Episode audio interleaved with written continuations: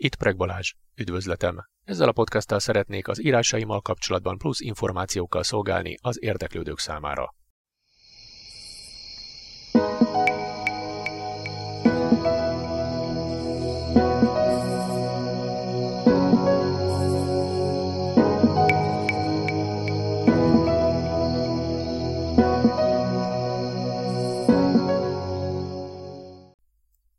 Sok szeretettel üdvözlök minden kedves hallgatót a Preg Irodalmi Szösszenetei című podcastom immár ötödik adásában. Ahogy azt az előző, azaz negyedik adásban említettem, ma a második önállóan megjelentetett kötetemről mesélnék. Ezek a válogatott írásaimat tartalmazzák. Magam is meglepődtem, amikor kiderült, hogy A5-ös formátumban tokkal, vonóval kereken 300 oldalas kötet született meg. Életem során már sokan mondták nekem, hogy szeretek sokat beszélni, de most kiderült, hogy írni is szeretek. A szépirodalmi novellák többségét különböző pályázatok alkalmával írtam meg, és több is megjelent korábban, antológiákban külön-külön. A verses kötetemről már egy korábbi adásban ejtettem szót, így most erre nem térnék ki. A szépirodalmi novellák közül kettőről mesélnék egy kicsit bővebben. A Szerelem című történet érdekessége, hogy erősen kötődik ahhoz a tevékenységhez, amelyet a vakok és látássérültek számára végzek. Ugyanakkor a novella másik érdekessége, hogy általános iskolás koromban egy osztálytársam hugával valóban futni jártunk egy kis házas területen, és ott valóban összeismerkedtünk egy farkaskutyával, bár az igazsághoz hozzátartozik, hogy annak a német juhásznak nem volt semmilyen testi sérülése.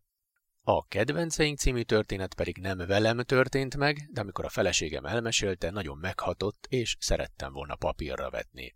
A tudományos, fantasztikus novellákkal kapcsolatban szintén érdemes megemlíteni az indulást. Bár nagyon fiatal korom óta érdekelnek a science fiction történetek, sok kedvenc íróm és filmem is van e témában, mégis az írói vénámat egy pályázat indította el ebben a témakörben. Természetesen egyik történet csattanóját sem szeretném most itt lelőni azzal, hogy elmesélem, de azt érdemes megemlítenem, hogy az Ipekakuána története teljesen véletlenül pattant ki a fejemből, amikor életemben először találkoztam ezzel a szóval, és úgy éreztem legbelül, hogy muszáj egy történetet kerekítenem köré.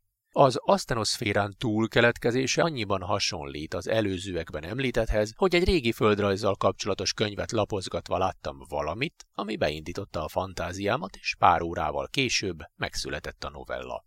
Kedvenc történetem, ha lehet egyáltalán ilyet mondani bármelyik írásomról, de ha valaki arra kérne, hogy válasszam ki az egyiket, akkor az határozottan az Érem másik oldala című lenne a tudományos novellák kategóriában. Bár ebben a témában már sokan alkottak, irodalom és filmművészet terén is, de gondoltam most megpróbálok valami új csavart és nézőpontot leírni a témáról.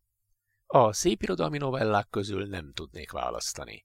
Sok-sok éven át nem születtek újabb írásaim idő hiányában, a versek terén teljesen kiapadt az írói forrásom, de prózában az elmúlt hónapokban sikerült több újat alkotnom. Több tudományos fantasztikus novellával és egy szépirodalmi novellával gyarapítanom a gyűjteményemet, illetve meseírás terén, de ez majd egy külön adás témája lesz. A tervek szerint a következő, azaz a hatodik adásban tovább folytatódik a Kaland, Little Corporal detektív kalandregény trilógiám első, a Vizen című kötete a harmadik fejezettel. Addig is minden jót!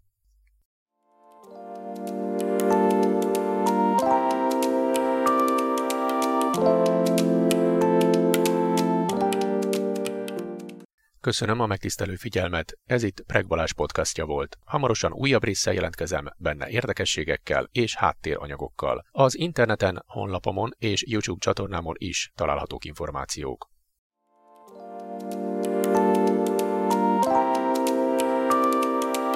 you.